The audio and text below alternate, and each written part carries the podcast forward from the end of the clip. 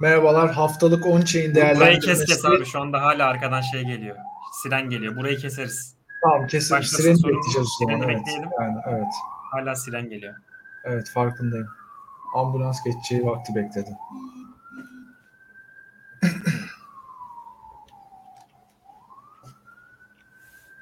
Bugün bir şey var Adana'da. Bizim buralarda da var ya. Evet evet. Ba- Bayağı Çok, aksiyon çok dolu. polis var aynen. Heh, şimdi 3-2-1'de gir. Daha Tamam. hala duruyor nasıl satayım. İşte bekliyorum geçsin diye. Yoksa arkadan gelecek yani. Tamam. Tam tam birinci dakikada giriyorum ona göre. Tamam. Aa, çişim geldi. 5, 4, 3. Merhabalar. Haftalık on-chain değerlendirmesi 41. haftaya hoş geldiniz. Bu hafta Barış bize 41. haftayı değerlendirecek. Hoş geldin abi. Hoş bulduk merhabalar. Ee, çok güzel bir hafta e, içindeyiz diye düşünüyorum. Bilmiyorum. Şöyle bir Ee, fiyat grafiğiyle aynen. başlayalım. Açayım ben bu hafta yükseliş.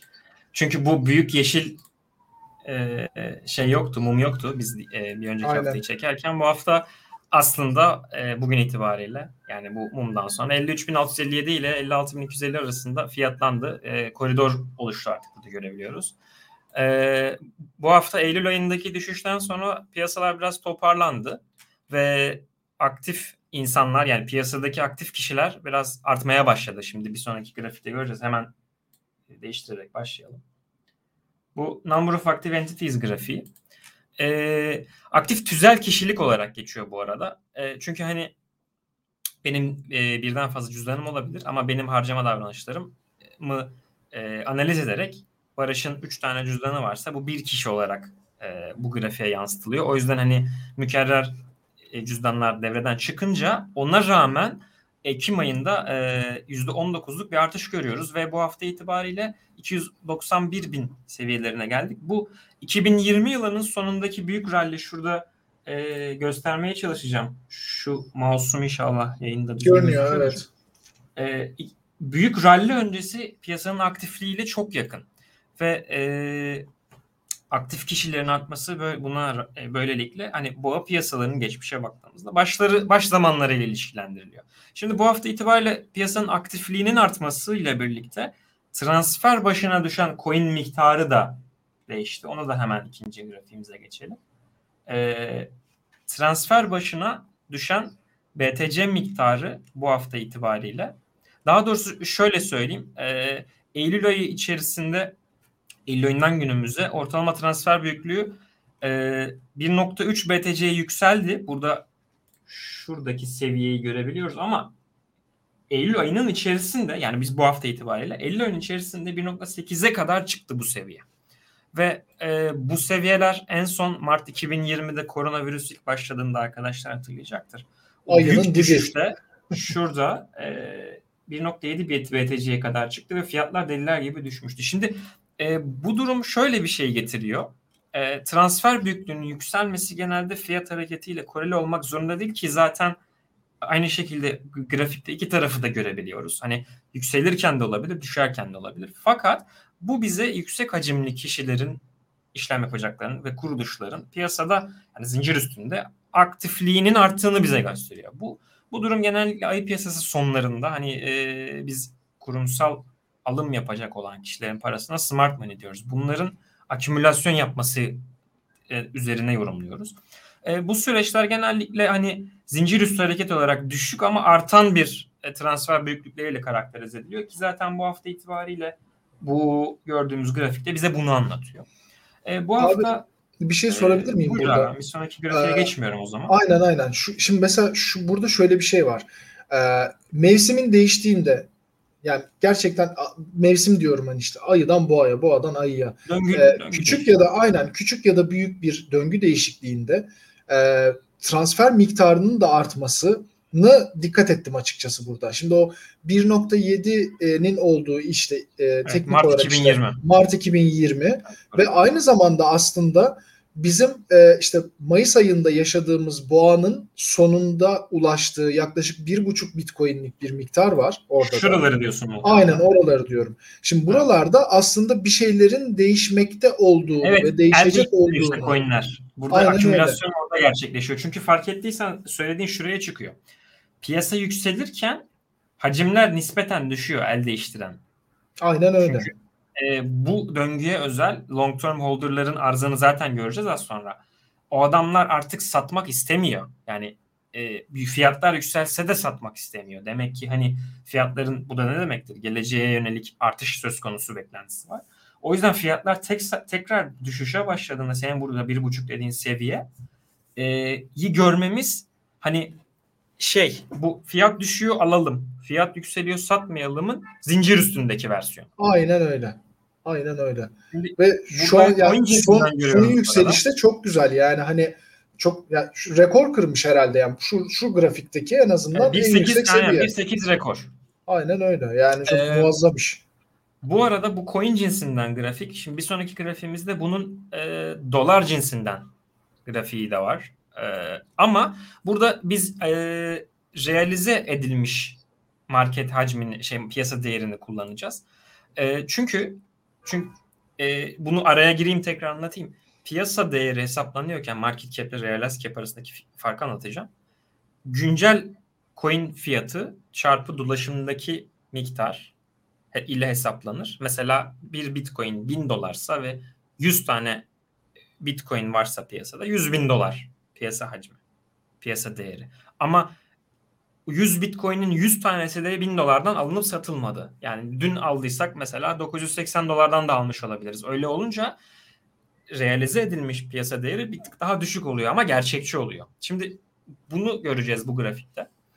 Ee, transfer hacminin işte USD cinsinden ederinin realize edilmiş piyasa değerinin yüzdesi cinsinden bakıyoruz bu sefer grafiğimize.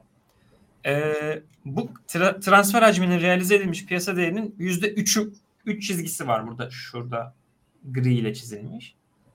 E, piyasa değerinin %3'ünden yani realize edilmiş piyasa değerinin %3'ünden yüksek olması bize genellikle boğa piyasasının başlangıcı şu çıkışlar bu arada. inişler değil. Olduğunu gösteriyor ve ağın kullanımının artmaya başladığını gösteriyor. Diğer tarafta ise hacmin realize edilmiş yani transfer hacminin realize edilmiş piyasa değerinin üçünden düşük olduğu koşullarda ayıp piyasası koşulları diyoruz ve biz A kullanımının minimale indiğini ve genellikle akümülasyon periyotlarının burada olduğunu görüyoruz. Hani şu gri çizginin altında kalan periyotlar. Ee, bu hafta itibariyle tekrar %3'ün üstüne çıkıyor. Bu arada şu son maviyle işaretlenmiş olan kısım. Ee, bir boğa dönüşü senaryosu gösteriyor bize eğer bu metrik açısından baktığımızda. Şimdi zincir üstü aktivitenin detayına bakalım. Az önce yukarıda bahsettik. Long term holder'ların e, elinde tuttukları arz miktarı. Bu hafta e, tekrar bir yeni rekor e, kırdık. Long term holder'lar yüz, zincir üstünde 155 günden fazla hareket etmemiş coin'i elinde tutan kişiler. Bunların sahip olduğu arz bu arada 21 milyon bitcoin var ama 20 milyonu kazılmadı. Aynı zamanda Satoshi'nin sahip olduğu düşünülen coinleri de bu 21'den düştüğümüzde kalan kısmın 13.28 milyonunun long term holder'larda olması çok büyük bir oran. Ve bu hafta itibariyle görüyorsunuz 7 aydır şu yemyeşil tak diye çıkan bir çizgi var. 2021'in en düşük seviyesi olan 10.91 milyondan 7 ay içerisinde 2.37 milyon bitcoin ekleyerek bu adamlar 13.28 milyona çıkmış. Ve sadece 7 ay içerisinde madenciler 186 bin yeni coin mine etmişler. Yani hani bunlar haricinde nasıl bir alım, nasıl bir akümülasyon yapıldığını görüyoruz yani burada. Ee, bunu şimdi bir grafiğe dökebiliriz. Çünkü e, ne kadar basıldığını biliyoruz. 186K dedik. Burada bize long term holder'ların eline tuttukları arz miktarının piyasaya giren yani yeni basılan Bitcoin'e oranını görüyoruz. Yani Şubat 2021'de e, long term holder'lar çok yoğun bir şekilde satış yaparken e, burada bir saniyenizi rica edeceğim. Ha, tamam doğru grafikteyim. Ben bir yandan iki monitörden birden takip ettiğim için. Ee, üretimin 26.4 katı şurası. İnşallah mouse'um güzel gözüküyordur. Evet. Ee, bu adamlar deliler gibi satış yapmış. Yani üretilenin 26.4 katı. Tam oh. tersi ise Haziran ayında burada ay yazmıyor ama ben rapordan söylüyorum. 27.7 katı üretilenin daha fazla akümülasyon yapılmış. Yani şurada gördüğümüz artış bu yüzden. Tekrar evet orada aşağı yukarı 2 milyonluk bir fark var. 2 milyon bitcoin'lik evet. bir fark var. Haziran ayından günümüze işte e, yani bu hafta itibariyle baktığımızda şu minimum artık bir konsolidasyon e, aralığı görüyoruz. 13.6 ile 15 kat arasında e, hala akümülasyon yapılıyor. Üretimin kat çarpanı bunlar bu arada. Çünkü Bitcoin sürekli üretiliyor. E, yani genel anlamda diz, e, şey zincir üstünde bir akümülasyon periyodunun devam ettiğini görüyoruz. Şimdi arzın hareketlerinin daha da detayına inelim. Burada 155 günden büyükleri görüyoruz ama şimdi mesela bir yıldan daha büyük arzın ne kadar hani hareket etmiş etmemişini göreceğiz. Ee, bir yıldan yaşlı coinlerin e, e, hareketini ölçen metreye baktığımızda piyasanın güncel durumunun hala akümülasyon bölgesi aralığında olduğunu görüyoruz. Boğa piyasası koşullarında az önce gördük long time long term holder'ların fiyat yükselişine istinaden satış yaptıklarını o bir çıkış vardı satış yapıyorlardı sonra fiyat sabit dururken tekrar e, akümülasyon yapıyorlardı. Bu hafta itibariyle şurada yeşil e, kutu inşallah düzgün gözüküyordur. Akümülasyon kutuları burada görüyoruz. Ve fiyat yükselirken distribution yani satış fiyatlar ayı piyasasına girdiğimizde düşerken tekrar e, bu adamların hareketsiz durması. Ve e, buradan da şunu şunu görebiliyoruz. Bunların satışı bu tarz hani bir yıldan daha büyük hani 155 gün normal long term holder da bunlar artık bir nevi seasoned holder yani e, daha deneyimli tecrübeli insanlar. Veteranlar. Veteranlar satışları makro veya yerel hani 64 bin gibi makro veya işte yerel zirvelerde ile eşleşiyor. Şimdi e, böyle tabii ki bu zirveler gördükten sonra harcama yavaşlatıyorlar. Fiyatların düşmesini bekliyorlar falan. Şimdi fiyatlar network'ün gidişatına göre değersiz oldu bölgelerde ise bu yeşil kutuları tekrar açıklamak e, gereği hissediyorum. Burada akümülasyon başlıyor ve eski coinler ile yeni coinler yani daha doğrusu sahipler el değiştiriyor. Şimdi bir sonraki grafiğimize geçelim. Burada percent of e, unspent transaction output'tu yanlış hatırlamıyorsam. Burada tam Türkçe çevirisi yok ama harcanmamış işlem çıktısı diyeceğim. Ben burada hani e, Bitcoin'in transferleri nasıl yapıldığını detayına girmek istemiyorum ama çok özel şey çok özetinde anlatırsak Barış'ın cüzdanında bir coin var. Efe'nin cüzdanına işte 0.2 Bitcoin gönderdiyse aynı zamanda o işlemin içerisinde Barış Barış'a 0.8 Bitcoin de gönderdi de vardır bu transferin içinde. Yani harcanmamış 0.8 Bitcoin Barış'ın cüzdanında tekrar duruyor. Şimdi bu ön bilgiyle bu hafta itibariyle e, Bitcoin ağının komplesine vurduğumuzda bu olayı %95 Temmuz ayındaki 84.4 düşüklükten karlılık %95.7'ye kadar bu hafta çıktı. Yani network'ün Bitcoin network'ün çok büyük bir kısmı e, karda. Ama bu oran hacimden bağımsızdır. Onu kaçırmamak lazım. E, genellikle ayı piyasalarında gördüğümüz e, bu Temmuz'da bu arada 84.4'e kadar düştü. Bu düşüşün önemi nedir?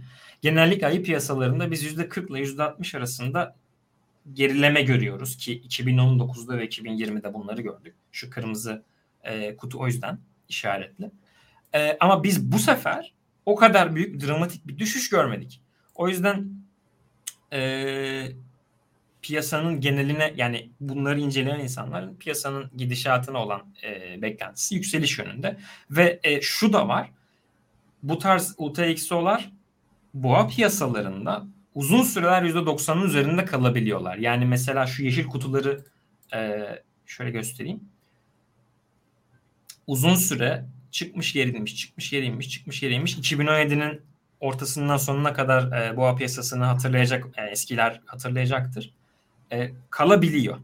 Şimdi fiyatlarda yaşanan yükseliş piyasanın sentimentini de pozitif etkilediği için toparlanıyoruz bir, bir iki, iki haftadır. Vadeli işlemlere geçelim. Bu tarafta da bir artış görüyoruz. Şöyle. Bu hafta itibariyle e, vadeli işlemlerde açık pozisyon sayısı Eylül ayının minimumlarından e, %45 artarak 18 milyar dolar seviyelerine geldi ve 18 milyar dolar seviyesi Eylül öncesinde e, şöyle göstereyim. Şu çizgiyi görüyorsunuz. Muhtemelen mouse'um gösteriyordur ama biraz küçük gelebilir. Evet. E, Eylül öncesi seviyeleriyle aynı ki fiyat daha düşüktü. Ve Mayıs ayının seviyeleri de aynı. Onu da şuradan göstereyim. Mayıs başı Mayıs Nisan sonu. Şuralar. Aynı. Aynen. Ve o zaman da fiyat zirveydi 60 64 arasıydı. Ee, aynı yani bu iki seviyeyle aynı olduğu için sonrasında ne oldu? Ee, yüksek derecede long pozisyonların silinmesi yani long squeeze ile sonuçlandı. Bu tarafta vadeli işlemler tarafında hala dikkatli olmakta fayda var. Şimdi vadeli işlemler özelinde bir bilgi daha, bir grafik daha paylaşacağım. Bu open interest ile alakalı. Futures Term Structure. Şimdi bu e, arkadaşların kafasını karıştıracaktır. Çünkü normalde bizim piyasada tahmin ediyorum ki genel bilinen perpetual futures kontrat yani süresiz. Bunların fonlama oranları vardır ve e, pozisyon taşımanın bir maliyeti vardır. Bu gör, ekranda gördüğümüz futures e, term structure'da bizim kontrat fiyatlarımız zamanı belli. Yani Aralık 2021 diye bir kontrat var. Ama bugünden ilerinin fiyatı belli. Şimdi burada beklentiyi ölçüyoruz biz. Ee, bu grafiğin güncel bu arada e, şu, okunabiliyor mu bilmiyorum ama 56-57 aralığında biz güncel piyasanın fiyatı bu. Artan fiyatlar vadeli kontratların fiyatına olumlu yansıyor. Şimdi ilerinin beklentisi yüksekse eğer Aralık 2021'in beklentisi de bugüne göre yüksektir. E, bu yüzden bu hafta itibariyle Aralık sonu kontratlarında Huobi haricinde Huobi'de biraz neden insanlar düşük bir vermiş bilmiyoruz. E, beklenti hep yukarı yönlü. Yani günümüzle Aralık sonu arasındaki fiyat farkını çıkartıp yıllandırdığımızda şimdi iki buçuk ay kadar bir süremiz var yıl sonuna kadar mesela. E, 12 bölü iki buçuk çarpı aradaki fiyat farkını yüzdesini hesapladığımızda %12.4'lük bir premium yani bugün ile yıl sonunun fiyat farkı yıllandırılmış. Ee, bunu niye anlattım? Şimdi bir sonraki grafikte belli olacak. Futures Annualized Ruling Basis 3 aylık. Yani bu grafikte bize 3 ay sonrasındaki kontratın bugünle ilgili arasındaki fiyat farkının yıllandırılmış halini veriyor. Yani burada fiyatın artışı insanların bugün spot alıp 3 ay sonraki kontrattan satış yapıp aradaki farkı cebine kilitlemesi demektir. Yani buradaki premium ne kadar fazlaysa spot alış baskısı o kadar fazla olabilir diye özetleyebilirim çok detaya girmeden. Hani birazcık e, ön bilgiyi fazla tuttum kusura bakmayın. E, burada söyleyeceğim şöyle bir e, veri var. Anlatacağım. Mayıs ile Temmuz ayı, ayları arasında vadeli işlemlerdeki kontratların yüzde 2 ila 5 aralığındaki fiyatlanmasından sonra Eylül ayı premiumunun tekrar %5'lere düşmesi piyasanın biraz bearish davranmasını bize gösterdi. Yani şuraları düşüşleri görüyorsunuz. Ondan sonra tekrar düşüşü görüyorsunuz. Mouse'um görünüyordur inşallah ama. Evet evet. Şimdi bunun tekrar artması o yüzden dediğim gibi spot alım baskısında e, güzel bir şey. Şimdi az önce anlattım süresi belli olmayan kontratlara tekrar dönelim. Fon, bunlarda fonlama oranları var. Ee, süresiz vadeli kontratların fonlama oranları yavaş yavaş yükselmeye başlıyor. Burada yeşili görüyorsunuz. Azalan ama pozitif bir yükseliş var. Şimdi bu bize ne anlatıyor onu da söyleyelim. Fonlama oranlarının pozitif ama koridorun hani alt seviyesi 0.1 ile 0.02 arasında şu düşüşte kalması bize yatırımcıların e, pozitif fonlamada yani long pozisyon anlamında risk almaya başladığını ama daha kontrollü hani aşırı derecede yükseltmediğini çünkü eğer öyle olsaydı o open interest'in hepsi long'a geçseydi buranın tekrar artmaya başladığını görecektik. E, ve böylelikle kısa vadede fonlama oranlarının çok hızlı yükselmesi long pozisyonların terste kalma olasılığını artıracağı için bu metriği ve buna bağlı olarak yukarıdaki open interest e, miktarını yakından takip etmek gerekiyor. Çünkü eğer aşırı derecede burada pembeyle işaretli alanlar var. Fonlama aşırı yükselirse bir long squeeze gelebiliyor. Ardından fiyat hareketlerinin ters yönde kalması. Hani bir e, kripto tabiriyle longları patlattılar. Buradan geliyor yani. Şimdi e, son olarak da bir e, vadeli kontratlardan ayrı olarak opsiyonlara da bir bakalım. Öyle bitirelim. Ama zaten burada da e, söyleyeceğim çok e, farklı bir şey yok. Opsiyon piyasalarında da açık pozisyon miktarı vadeli işlemler tarafında da gördüğümüz gibi yükselmesini sürdürüyor ve Ekim ayında %64'lük bir artışla e, 5.6 milyar dolardan 9.2 milyar dolara e, vadeli e, işlemler tarafın kadarın e, hacmi büyük değil bu tarafta daha küçük ama yine de büyük bir yükseliş var. Çünkü opsiyon piyasasının işlem hacmi piyasanın geneline baktığımızda çok kullanılmayan bir enstrüman olduğu için küçük kalıyor. Ama bu gördüğümüz artış bile yani bir ayda %64 çok büyük bir e, sayı. Piyasanın yavaş yavaş artık olgunlaşmaya başladığını bize gösteriyor ve türev piyasalarında açık pozisyonların artışı, vadeli işlemlerin pozitif premiumu ve fiyat artışına istinaden pozitif fonlama oranları her ne kadar geriliyor da olsa görmemiz e, boğa piyasalarında çok olağan dışı şeyler değil. Ama e, spot alım baskısı gelmediği sürece terste kalmayı doğurabilecek işte long e, squeeze yani long patlatma olayları e, na dikkat etmek gerekiyor. Bu yüzden spot tarafındaki on-chain dinamiklerine kesinlikle e, hani bakıp karar verip e, de, e, ona göre pozisyon almak gerekiyor.